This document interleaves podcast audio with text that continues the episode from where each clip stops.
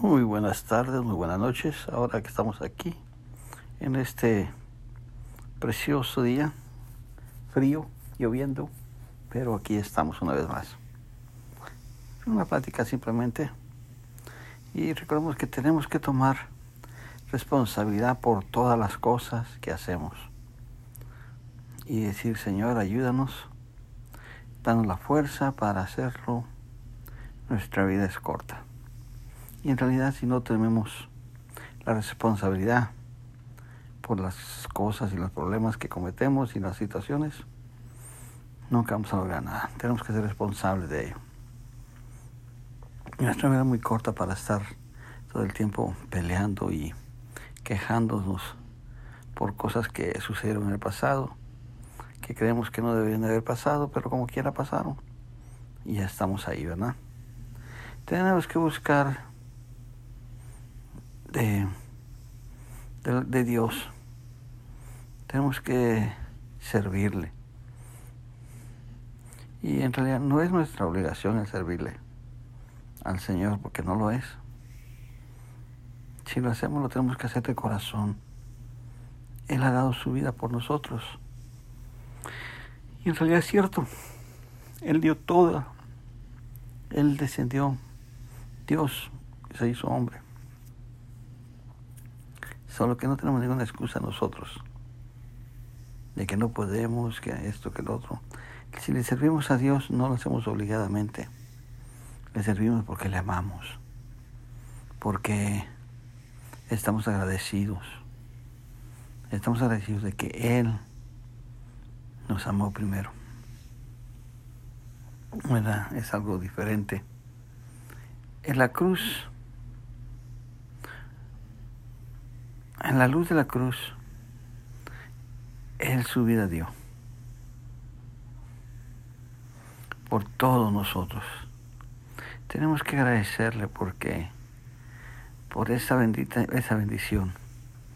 Él nos amó tanto que decidió dar su vida por nosotros. Y ahora, ¿cómo le pagaremos? ¿Cómo le podemos pagar? No hay nada. Él es dueño de todo. Él no escatimó. Él decidió hacerlo. Y así como Él lo hace, debemos de servirle. Nosotros debemos servirle, serle fiel hasta, hasta el final, hasta que ya no hay más aún acostados en nuestra cama, muriendo, quizás falleciendo. Tenemos que darle gracias porque darle gracias, darle gloria, porque Él lo hizo por nosotros. Él murió en la cruz, fue sepultado, resucitó y nos dio la victoria. En las enseñanzas anteriores he dicho, tenemos el poder que Él nos dio al morir en la cruz. Nos dejó el Espíritu Santo. Ahora mora en nosotros. Y es un poder que tenemos.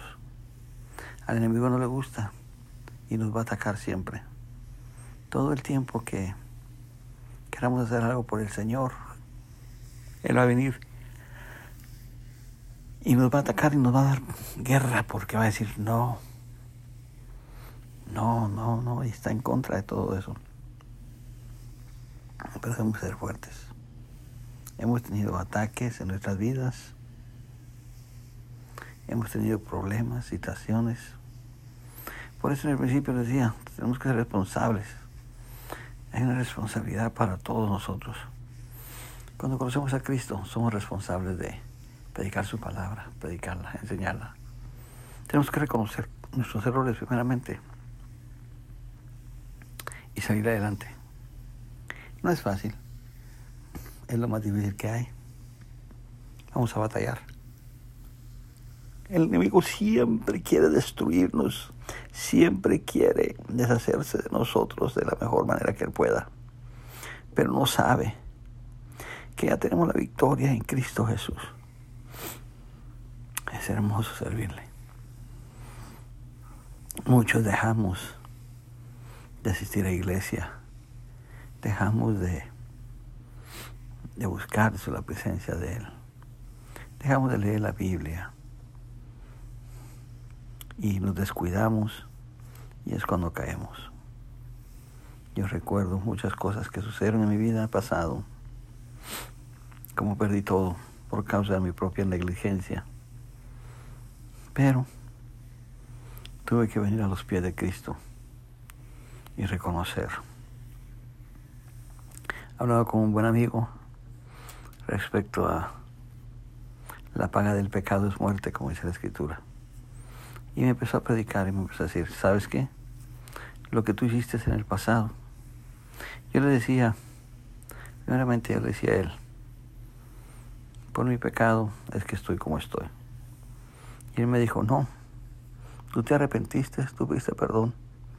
Dios no hace eso. Y en realidad no sé. Me quedé pensando esos errores que uno comete.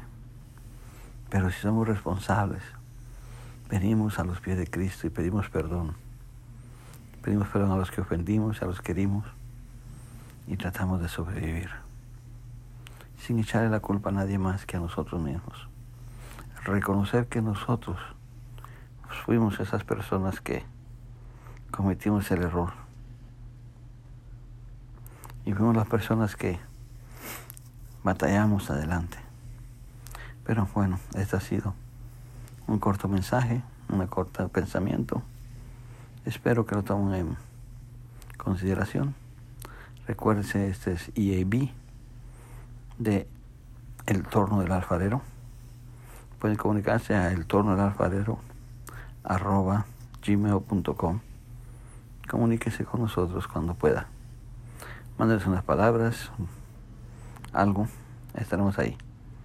Y que muy pronto les estaremos dando información de nuestra radio de web que estamos preparando el torno del alfarero y la daremos a ver a ustedes aquí para que nos escuchen con programas en vivo, entrevistas, música y todo eso.